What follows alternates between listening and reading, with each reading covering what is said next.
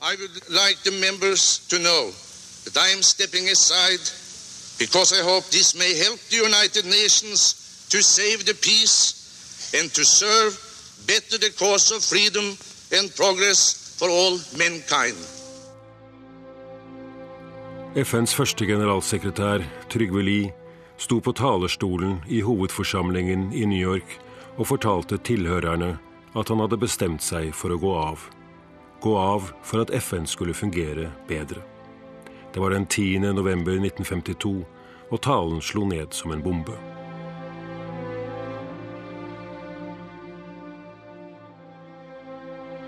Like etterpå ble en uvanlig spak generalsekretær intervjuet på sitt kontor i den helt nye FN-bygningen på Manhattan. En bygning som Trygve Lie i høyeste grad hadde mye av æren for. En bygning han hadde vært med å planlegge på en tomt han hadde vært med på å finne. Kjøpt for penger donert av hans venn Nelson Rockefeller den tredje. I seks år har Trygve Lie nå vært FNs første generalsekretær. Kanskje en av verdens viktigste og helt sikkert en av verdens vanskeligste jobber. Men nå vil han ikke mer. Orker ikke mer. Sterke krefter i Moskva, som før hadde støttet ham, har nå lagt ham på is. Frosset ham ut. Siden Lie og FN gikk inn for væpnet støtte til Sør-Korea ved utbruddet av Koreakrigen i juni 1950, har Moskva boikottet Trygve Lie og hans stilling i FN. Ingen må tro at jeg, at jeg er gått trett, eller at jeg er sliten eller ikke er opplagt. Tvert imot. Jeg hadde liksom følelsen av at medlemsstaten ikke var klar over eh, den eh, politiske situasjon i verden på en slik måte at de enten kunne finne eh, botemidler eller holde sammen eller treffe beslutninger som brakte noe av den store usikkerhet ut av verden. Så jeg kan jo ikke gjøre som andre bare sier 'ta hatten min og, og, og gå'. Jeg må altså sitte her og vente i håp om at de skal finne en god og verdig efterfølger. Trygve har alltid vært handlekraftig, men nå får han ikke lenger utført sine plikter i FN. Verdensborgeren fra Grorud skal snart forlate Manhattan og komme hjem til Oslo. Men først må FN finne en etterfølger. Det er det han sitter og venter på i 38. etasje i FN-bygget. There is a sense of satisfaction in knowing that you have done the best you could in the role that history has chosen for you.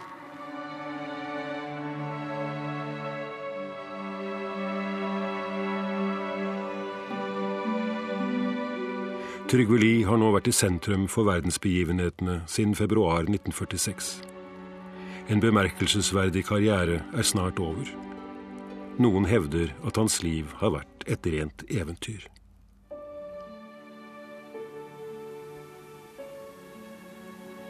Trygve Lie det er Askeladden i norsk politikk og i norsk historie. En av dem som kjente Trygve Lie best, var Håkon Lie. Mangeårig partisekretær i Arbeiderpartiet og en av kjempene i partiets innerste krets. Det er fattiggutten som eh, vinner mer enn det halve kongeriket og prinsessa. Historikeren Guri Hjeltnes har i mange år arbeidet med en biografi om Trygve Lie. Trygve Lie har jo eh, vært en av de skikkelsene i norsk eh, politikk og norsk historie som har gjennomført den store klassereisen. Ja, Han er egentlig vokst opp hos Hulda. Faren er borte. Han forsvinner. Han forsvinner før Lie eh, er født. Så han er mannen i familien. Han har en søster, Ruth. Hun er hele livet enslig. Tar seg av moren, Hulda. Er postmester på Grorud. Ruth Li. Alle kjenner henne fra luka på Grorud post, eh, postkontor.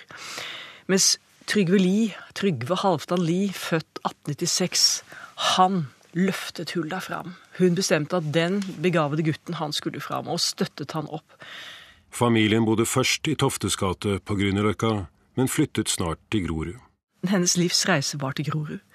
Og det var friske, grønne, frodige omgivelser, og det var også et yrende industriarbeiderliv.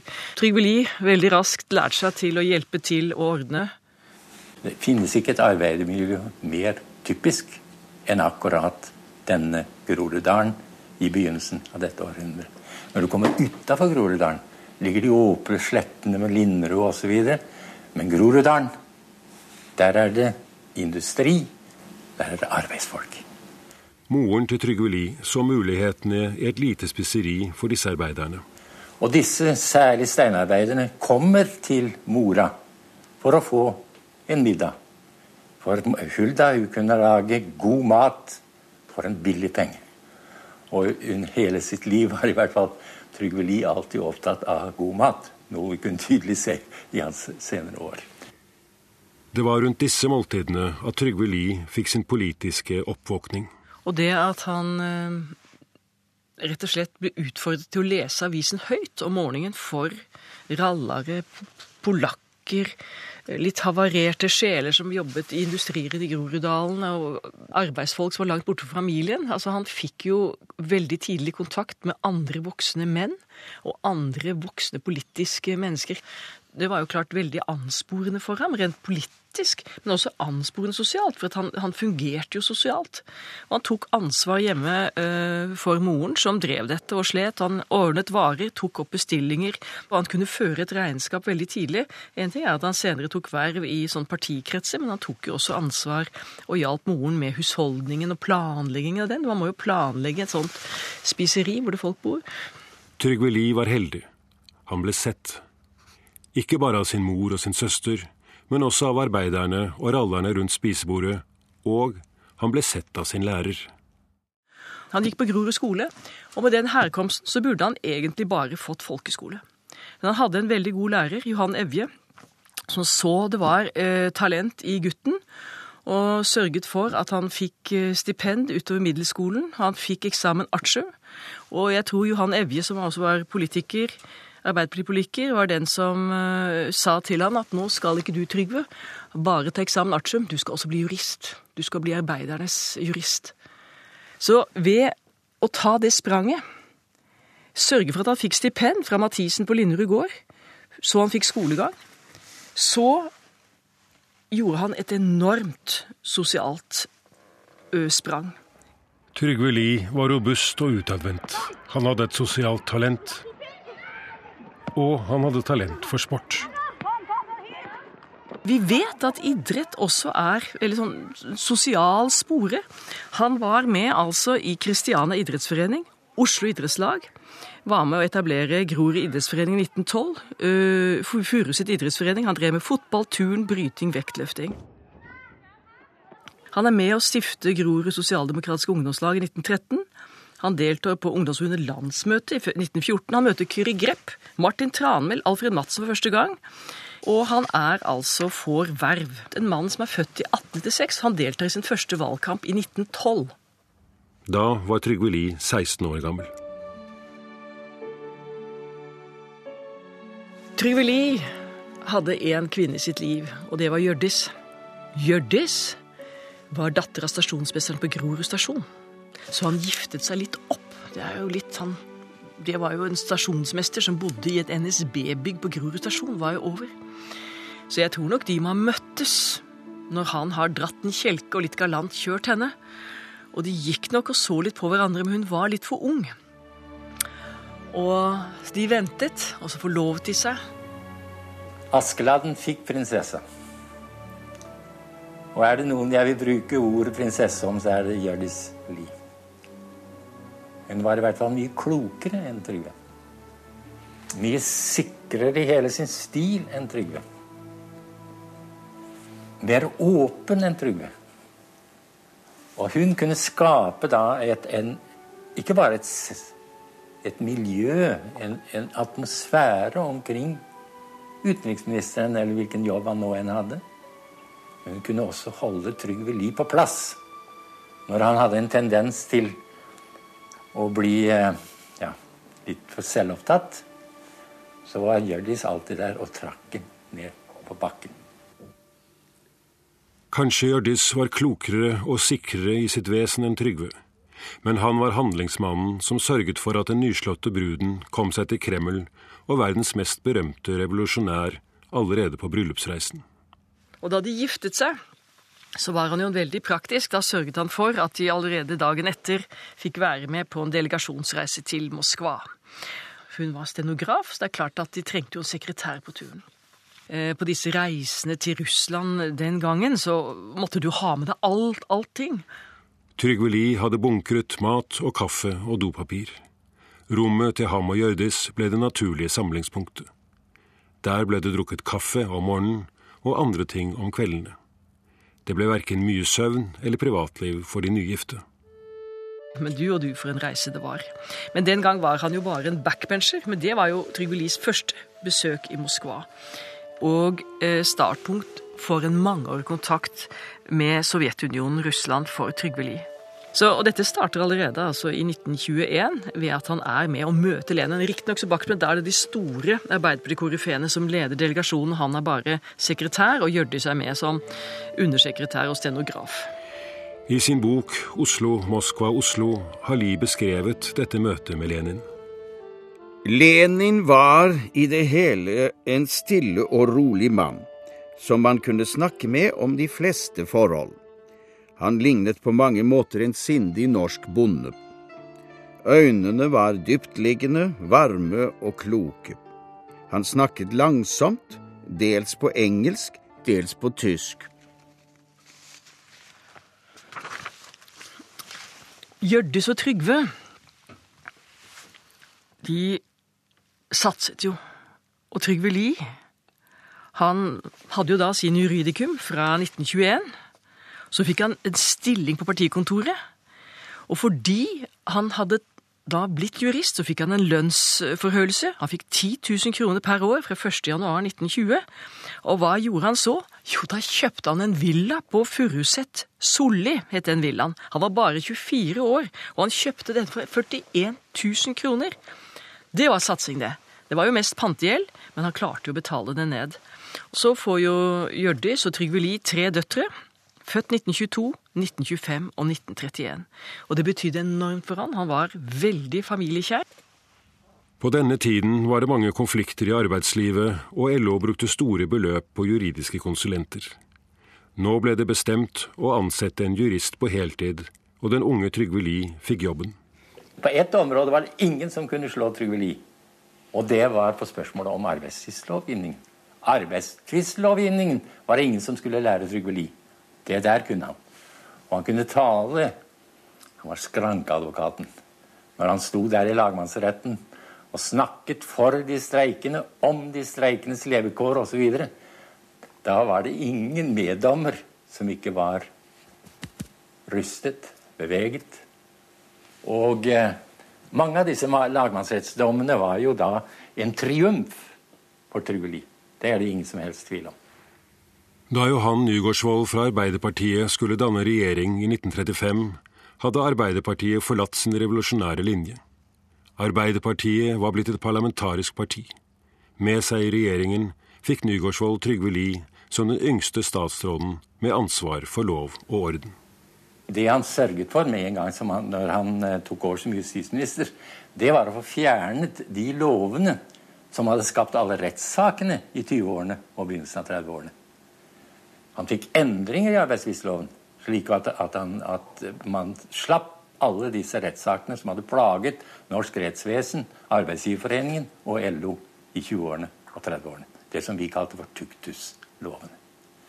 Han er den første som legger fram forslagene om full likestilling mellom menn og kvinner i, i Norge. Alle embeter skal åpnes for kvinnene, også det å være prest og det å være offiser.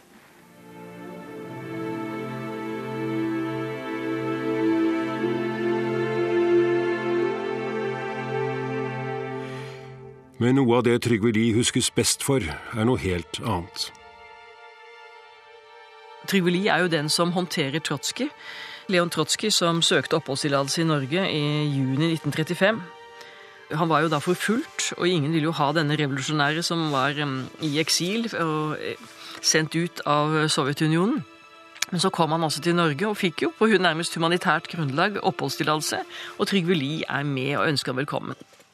Leo Trotskij Den revolusjonære historikeren han reiste jo med en stor portefølje av bøker, historie, hele sitt arkiv. Sekretærer bodde ganske fredelig på Ringerike et helt år. Men det ble jo hamret mot at regjeringen hadde hatt denne massemorderen øksemorderen, denne revolusjonære, som hele borgerpressen, eh, bondepartipressen og Nasjonal Samlingsaviser freste jo mot at denne mannen var. Det ble et stort politisk press. Og det var jo et valg i 1936. Det var jo ikke bare for den nyslåtte Nygårdsregjeringen å ha denne revolusjonære der. Og så kom Moskva-prosessen, og det ble jo da også et politisk press. Også fra ytterste venstre, de Moskva-tro kommunistene, ble regjeringen kritisert. Til slutt fikk Lie, Trotskij og frue internert på en øde gård på Hurumlandet med politiovervåking døgnet rundt. Dette gikk ikke hus forbi hos hovedstadens revyforfattere. Her synger Karsten Byring. Jeg er statspolitisjef og nå er jeg Trotskijs vakt og store trøst.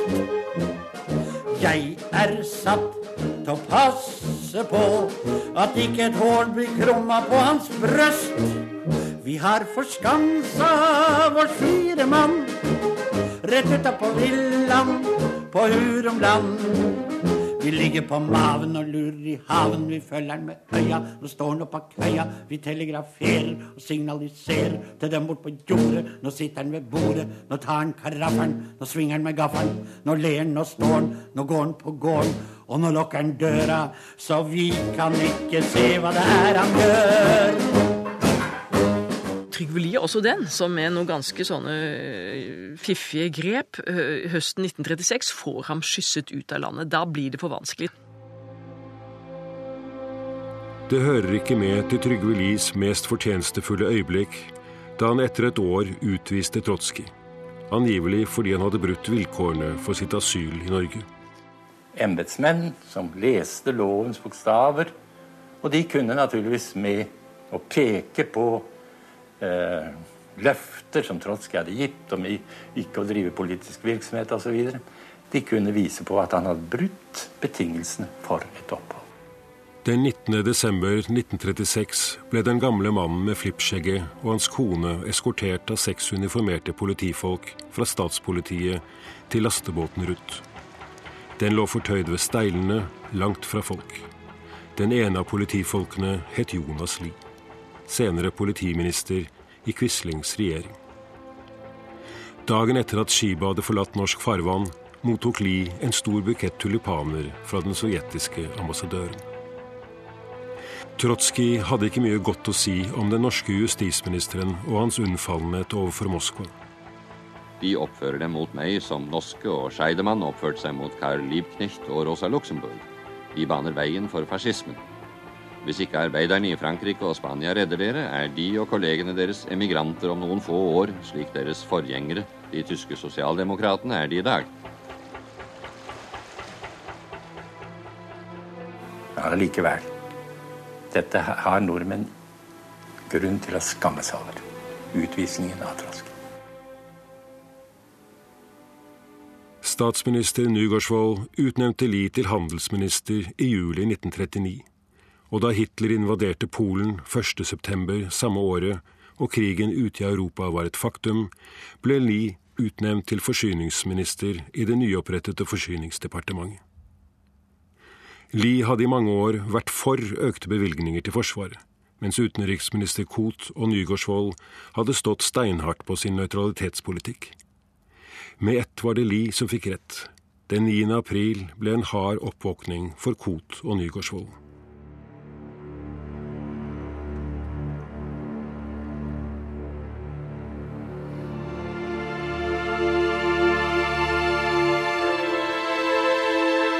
Extra nyhetsutsending fra TT.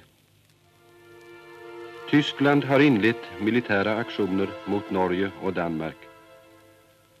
Från Oslo meddeles at den tyske regjeringen til den norske regjeringen framstilte begjæren at Norge skulle overlevnes til tysk administrasjon.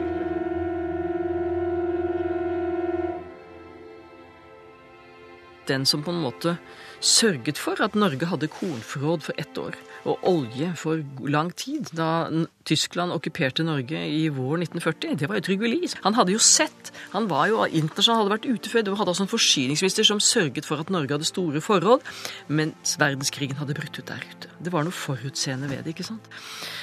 Og han er med eh, når regjeringen eh, kommer seg ut av eh, hovedstaden 9. april. Lie ble med kongefamilien, Nygaardsvold og resten av regjeringen på flukt nordover. Igjen viste han mot og handlekraft, og fikk kjeft av Nygaardsvold for å være litt for eplekjekk. Det var Lie som utnevnte Otto Ruge til øverste militære sjef for den norske motstanden, noe som Ruge takket ham for i brevs form før de norske styrkene kapitulerte den 10. juni. De er regjeringens sterke mann, og de må fortsette å være det. Hadde det ikke vært for dem i regjeringen og meg i hæren, da hadde landet gitt seg for lenge siden.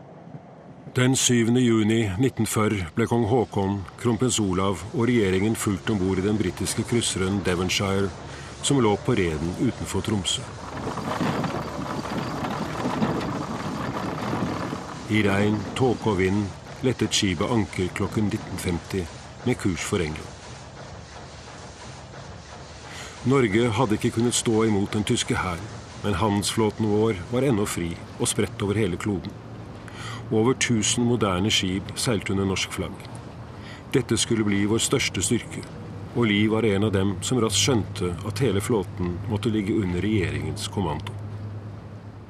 Handelsflåten ble jo Norges viktigste bidrag til de allierte seier. Å rekvirere dem skulle ligge under det som ble telegramadressen, navnet Nortraship. Det var jo en genistrek. Det gjorde jo at regjeringen Nygaardsvold sto seg godt i eksil i Storbritannia. De kunne betale regningen. De var, jo, de var jo noe man skulle stole på. For tenk på situasjonen sommeren juni 1940. Hvem hadde forestilt seg at Frankrike skulle falle? At Paris skulle falle? I midten av juni 1940? Over natten så sto Storbritannia alene som en fri utpost i Europa. Og for å holde Storbritannia så måtte det jo transport med skip til. Vi hadde inntekter fra handelsflåten. Vi behøvde ikke bukke eller be verken en eller annen stormakt om penger for å opprette en flystyrke, marine eller hær, eller for å øke vår krigsinnsats. Vi fikk inntektene fra handelsflåten. Og vi var uavhengige. En av de få regjeringer i eksil som kunne uh, være, stå på egne føtter. Høsten 1940 Halvdan Koht, utenriksministeren, har jo ikke lenger samme tillit, samme autoritet. Trygve Lie vikarierer for ham og overtar formelt som utenriksminister vinteren 1941. Trygve Lie er et par og tjue år yngre enn meg. Han har den ungdommen som skal til og med ny kraft kan han føre fram den politikken som regjeringa Nygaardsvold har stått inne for siden det tyske overfallet på Norge kom i natta til 9. april i fjor. London var jo en smeltedigel. Det var jo ikke bare Norges regjering som var i eksil. Polen hadde en regjering i eksil. Nederland hadde en regjering i eksil. Masaryk var der. En lang rekke europeiske politikere var i korte og lengre tid i London, og Trygve Lie møtte dem. Disse fem årene i eksil er jo helt unike år. Trygve Lie er jo et navn det internasjonale politiske miljøet kjenner, fordi han er utenriksminister i Norge, og det står seg godt i regjeringen. Og du har et kongehus. Og det er jo en annen historie. Eh, nærheten til kongehuset. Prinsesse Astrid forteller om sin far, kronprins Olav og Trygve Lie. Trygve Lie var jo statsråd under hele krigen, så jeg tror der eh, fant de nok hverandre på mange, mange måter. Og der oppsto et, et vennskap. Under krigen bodde kronprinsesse Märtha og barna i Washington i USA.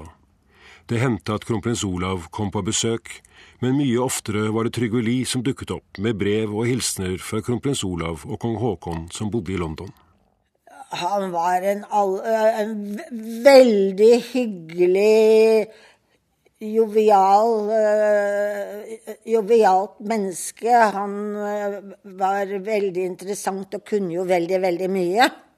Og så var han fantastisk hyggelig å være sammen med på alle mulige måter. Og også for oss som var mye yngre. I juni 1941 overrasket Hitler Stalin ved å angripe Sovjetunionen i det Berlin kalte Operasjon Barbarossa.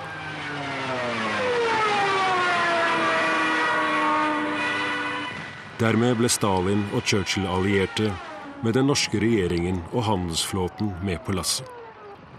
Etter japanernes angrep på Pearl Harbor den 7. desember 1941 kom også USA med i krigen, og trekløveret Stalin, Franklin Delano Roosevelt og Churchill ble en realitet.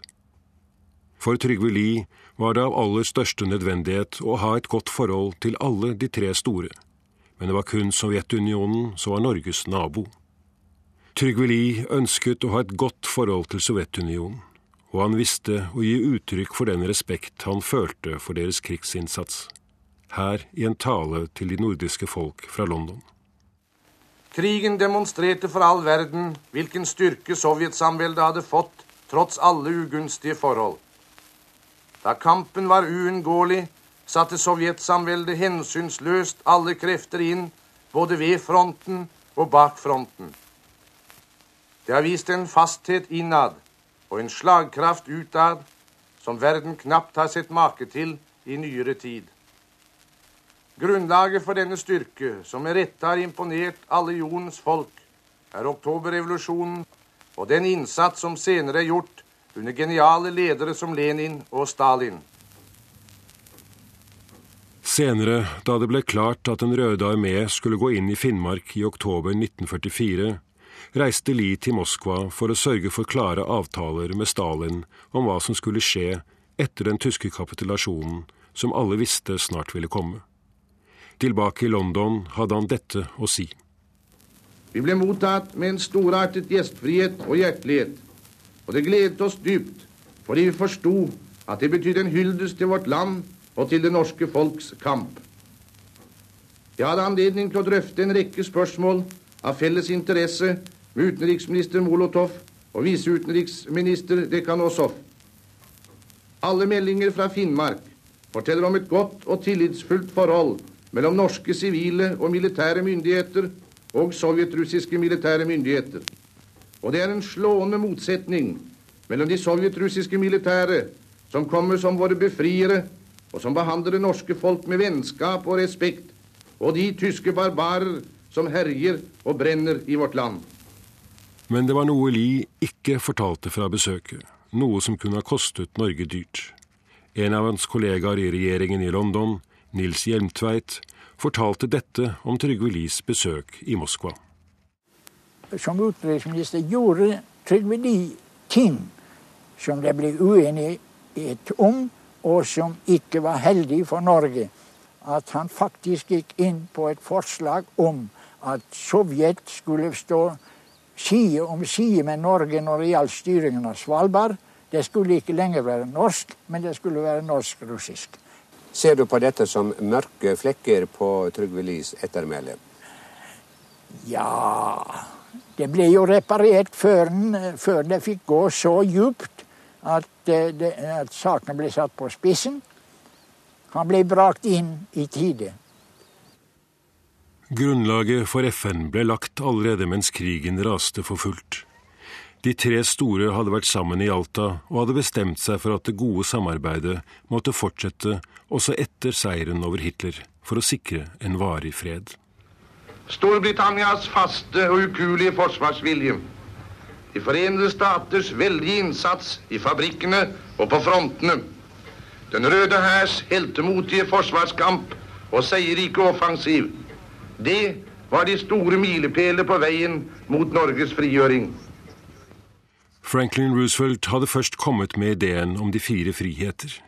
Frihet fra krig, frihet fra nød, frihet fra forfølgelse og frihet for tanken.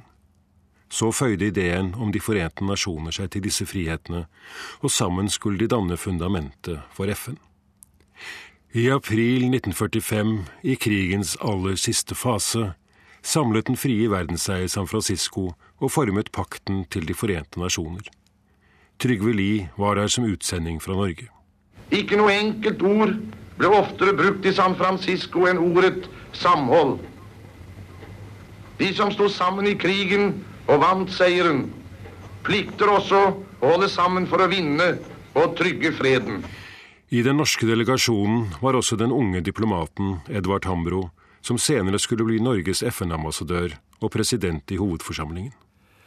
Jeg husker iallfall selv at jeg var dypt beveget den dag pakten ble vedtatt, og jeg tror at alle vi som den dag sto i den konferansehallen i San Francisco og reiste oss opp og ga vår tilslutning til pakten, følte at her ble det skapt verdenshistorie. Ennå før arbeidet var avsluttet og pakten underskrevet, kom nyheten om Tysklands kapitulasjon, og Lie ville være sammen med sin regjering og reiste med den til Oslo. Søndag den 6. mai fikk delegasjonen melding fra regjeringen i London om at kapitulasjonen var nær forestående. Etter samråd med delegasjonens medlemmer og rådgivere fant jeg at jeg måtte reise til London for å slutte meg til regjeringen. Statsminister Nygaardsvold innleverte sin avskjedssøknad til kong Haakon, og mandag den 25. juni overtok Einar Gerhardsens midlertidige samlingsregjering. Trygve Lie var fremdeles utenriksminister.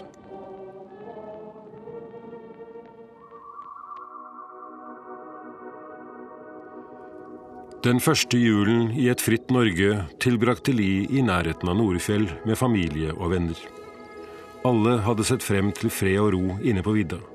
Men første juledag oppdaget Lie en enslig skiløper på vei mot hytta.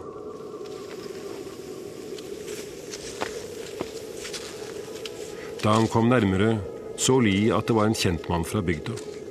Han hadde med seg et telegram til Trygve Li. Telegrammet var fra Utenriksdepartementet. Den amerikanske førstedelegerte til den forberedende kommisjon ønsker å bringe på det rene om utenriksminister Li kunne være villig til å ta imot valg som president for generalforsamlingen i FN, som begynner 10.1 neste år. Telegrafer svar så fort som mulig. Lies første reaksjon var en viss irritasjon over at julefreden var ødelagt. Men så konfererte han raskt med kone og barn. Alle var enige om at det var umulig å svare nei. Dermed ble neste stopp London, hvor FNs hovedforsamling skulle ha sitt første møte for å velge både president for hovedforsamlingen og generalsekretær for hele FN. Men da Lie kom til London, viste det seg at engelskmennene hadde lansert sin egen kandidat til samme presidentstilling, nemlig belgieren Henri Spaak. Han var Lies gamle venn og kollega fra krigsårene i London. Nå ville Lie trekke seg. Og der opplever jo Trygve Lie det store politiske spillet. Det der at han blir spurt av amerikanerne å stille som president. Og når det kommer opp, så stemmer det ikke for ham. Det er russerne som voterer han inn. Altså Dette er jo utrolig vanskelig situasjon for Lie. Og også fordi plutselig så er det Spak. Ari Spak, som han kjenner veldig godt fra London, fra Belgia, som liksom blir satt opp mot han. Er det ikke det minste de som blir satt opp mot ham? Men Moskva insisterte på Lies kandidatur og USA valgte å opprettholde Trygve Lie som sin kandidat. Her fikk Lie sin første smak på stormaktenes spill og skjulte agendaer. Dette er en spesialsending for Norsk Rikskringkasting som går på De fire delegater som talte for at Trygve Lie skulle velges, lot det formelig hagle med komplimenter og vakre ord over vår utenriksminister og vårt lands innsats under krigsårene. Den sovjetiske delegerte Andrej Gromyko slo fast. The Soviet delegation has come to the conclusion that the most appropriate candidature would be that of the foreign minister of Norway, Mr. Lee. Le délégué de la Pologne va parler. des Affaires étrangères de Norvège, Monsieur Lee. Den polske utsendingen fremhevet Lie som en fremragende diplomat, en utsøkt intellektuell og en mann som hadde lært seg fredens og frihetens pris under nazistenes skrekkvelde. C'est er en qui a appris tout le Lear is a great diplomat. He is an eminent scholar, and he's an outstanding statesman. Representative of a country which heroically resisted the Hitlerian invasion. Ukraina fulgte opp og ville ha Li valgt ved akklamasjon.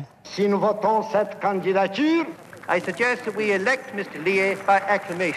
Danmark var heller ikke snauere enn at de fulgte Gromykos råd om å velge Trygve Lie. I would like most heartily to support the Soviet proposal. Mr. Lee has been posed. Ved valget av president eh, for De forente nasjoners første generalforsamling, som åpnet i går i London, fikk Norges utenriksminister eh, Trygve Lie 23 stemmer, mens den belgiske utenriksminister Spak fikk 28 stemmer. Gromyko ville egentlig ikke ha Lie som president i det hele tatt. Det Moskva hadde gjort, var å sørge for at Lie fikk nok stemmer til at han senere kunne bli lansert som første kandidat til vervet som generalsekretær. En stilling som var strategisk mye viktigere for Moskva enn presidentskapet i hovedforsamlingen. Det var nok en holdning at det måtte være en som kom fra et mindre land, som hadde opplevd den tyske jernhelle. Og Lie var et slikt navn. Han var en slik politiker med en slik erfaring, og kom fra et land med den erfaringen. Fra et okkupert land som kom godt ut av okkupasjonen, som kom godt ut av eksilårene. Norge har etter frigjøringen valgt nøytralitetspolitikk. En utenriksminister som gjør seg til talsmann for brobyggingspolitikk, det er en mann som eh, ikke på noen måte kan sies å være sovjetfiendtlig, som kanskje kan være nyttig som leder for De forente nasjoner. Trygve Lies assistent Finn Mo husket et møte de hadde hatt med den sovjetiske viseutenriksministeren Andrej Vesjinskij. Sovjet hadde nok bestemt seg for at Li Lie var uh, dets uh, kandidat. Jeg husker en uh, lunsj som Wyszynski hadde i London med Lie, og jeg var til stede, og hvor han sa helt blankt til Trygve Lie at de er vår kandidat til generalsekretærstillingen. Lie var altså Moskvas mann, eller han ble oppfattet som Moskvas mann. Denne oppfatningen ble til dels hengende ved ham helt frem til starten av Koreakrigen. Allikevel hadde Washington ingen betenkeligheter med å støtte hans kandidatur. Frankrike tok betenkningstid, og det gjorde også London, men til slutt ble de alle enige om at Lie var akseptabel. Kompromisskandidaten var nå den offisielle kandidaten til vervet som generalsekretær. Nå var han nødt til å spørre sentralstyret i Arbeiderpartiet om lov til å påta seg vervet. Vi hadde sentralstyremøte. Han satt da for seg sjæl, han satt ikke på sin normale plass ved bordet i sentralstyret. Han hadde vokst en to-tre tommer i løpet av ei uke. Ba om en ytring fra sentralstyret om han kunne ta over jobben. Og naturligvis han fikk sin velsignelse med. Og når vi gikk ut av møtesalen, så la Martin Tranmæl handa si på skuldra mi, og så sa han det at verden styres av små menn, Håkon. Vi var skeptiske. Vi var skeptiske. I Church House var det nå stor spenning foran stemmeavgivningen til vervet som generalsekretær. Good evening, this is Gibson Parker reporting from Central Hall, Westminster. Og El Salvador legger nettopp nå sin stemmeseddel i urnen som står Pressefolk fra hele verden var til stede. Begivenhetene ble kringkastet på direkten. Det eneste stedet i salen hvor det nå virkelig er livlig, det er på pressetribunene. Og den mest interesserte mann av oss alle, han sitter jo ikke her. Mulig han sitter på sitt hotell oppe ved Victoria stasjon. Trygve Lie selv med sin hustru og sin datter. De sitter ganske sikre og venter på telefonen for å få resultatet. Så kom den nyvalgte presidenten Spak og kunngjorde resultatet. Resultatet er det le suivant. 46 har répondu oui, 3 har répondu non. Monsieur Lee est donc élu secrétaire général de l'Organisation des Nations Unies. Dagen etter skulle Trygve Lie innsettes som FNs første generalsekretær. Jeg tør kanskje si, som alle lytterne sikkert vet, ble Trygve Lie valgt til generalsekretær i går. Det var et stort øyeblikk for Trygve Lie å bli ønsket velkommen som generalsekretær av sin gamle venn og rival til presidentembetet, Henri Spaak. Bon courage et bonne chance, monsieur le secrétaire général. Et permettez-moi d'ajouter bon courage et bonne chance, mon cher ami. Mesdames, Trygve Lie skulle nå avlegge FN-eden. I, Trygve Lie, solemnly swear to exercise in all loyalty, discretion and conscience the functions entrusted to me as Secretary General of the United Nations.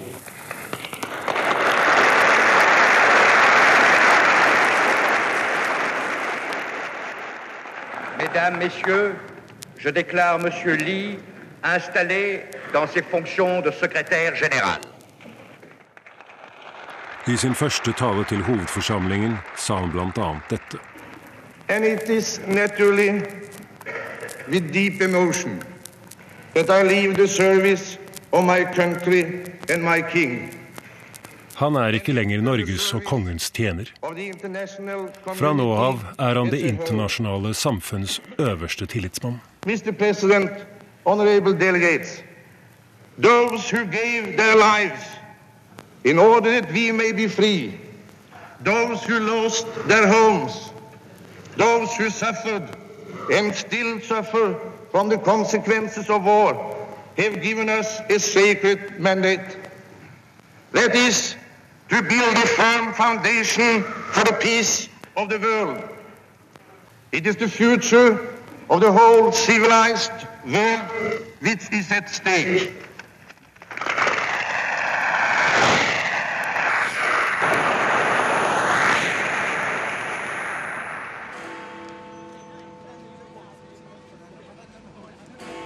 And so, ladies and gentlemen, at the end of this broadcast, one can, I think, say that one of the greatest enterprises that the world has ever undertaken has successfully ended its first stage.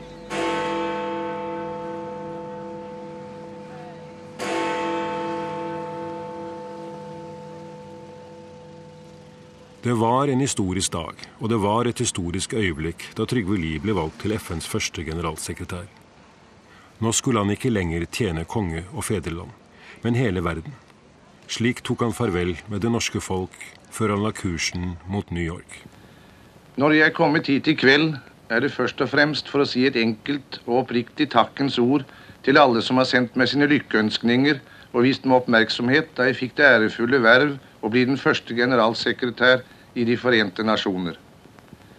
Det er vel naturlig at dere følte stolthet fordi det ble en nordmann, og det har dere grunn til. For Norge har et aktet navn ute, og hadde de ikke hatt det, ville ikke jeg blitt valgt. Oppgavene sto i kø. Verden lå i aske. Millioner av mennesker var på flukt. Europa var delt i to. På den ene siden sto Stalin og Den røde armé. I vest lå et England med nesten knekket rygg, og et USA som ønsket å demobilisere så fort som mulig. I det fjerne Østen lå et Japan som nå var okkupert av USA.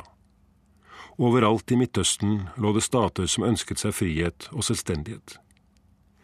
De jødene som hadde overlevd Hitlers gasskamre, ønsket seg et nytt hjem. Og de mente et nytt hjem.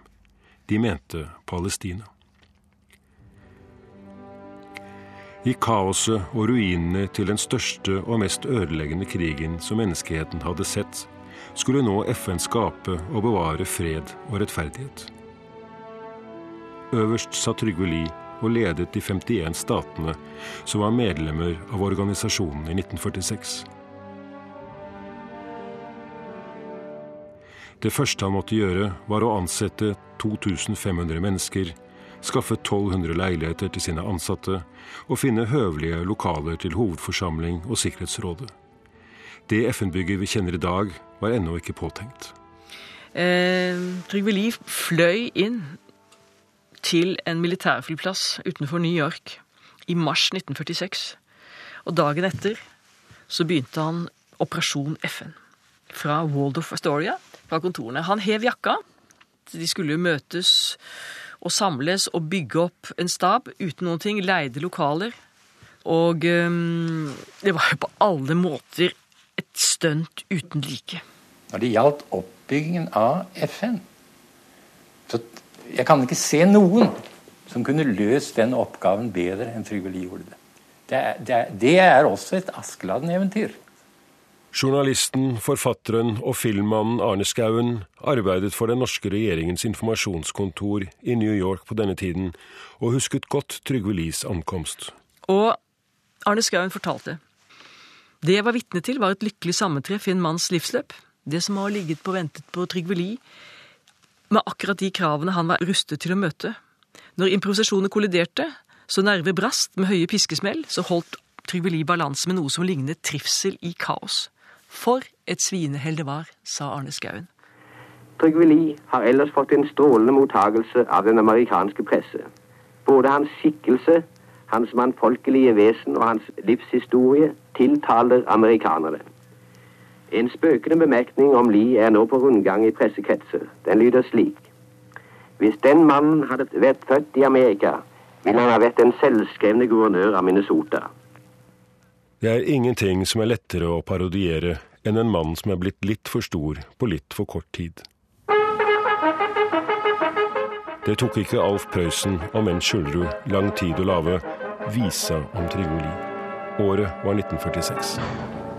Jeg er en liten Oslo-gutt fra Grorud. På bare ben jeg føler meg så trygg vel i som at jeg er en av de store. Som bærer verden på min brede rygg. Jeg drikker dus med bevin og i skinske. Hver gang når temperamentet har fått løft. Selv de store blir så små når man selv har vinger på.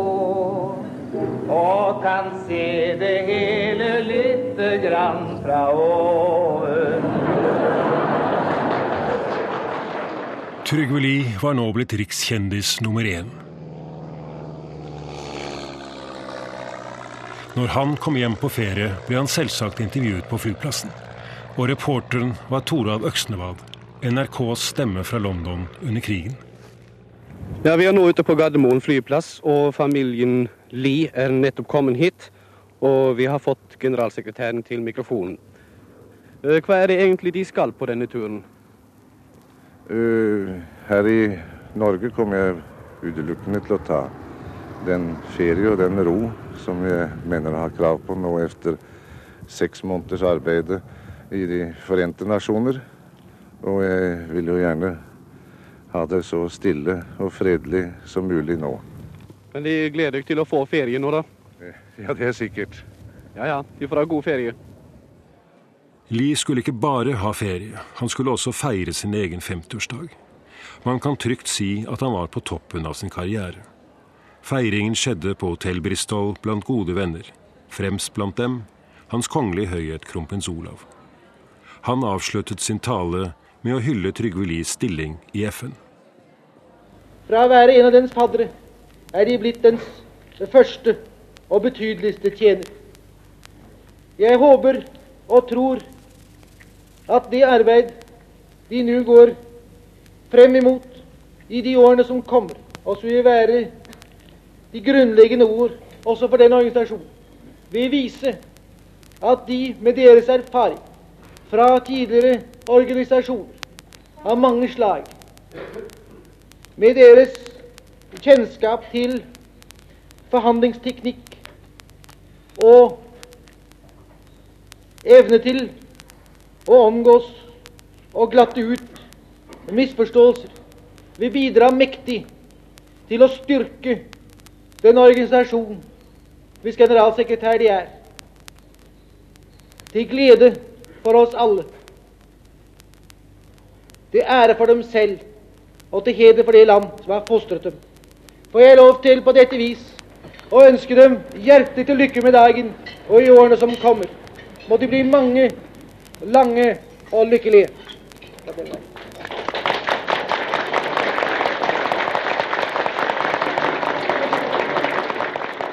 Som den første generalsekretæren i FN var det til en viss grad opp til Trygve Lie selv å definere hvor mye han skulle være sekretær, og hvor mye han skulle være general. Hvor mye han skulle være administrator, og hvor mye han skulle fylle jobben med politikk. Uansett skulle han få bruk for alt han hittil hadde lært, og litt til. Hans gode forhold til Sovjet var utvilsomt et fortrinn i meglingen mellom stormaktene.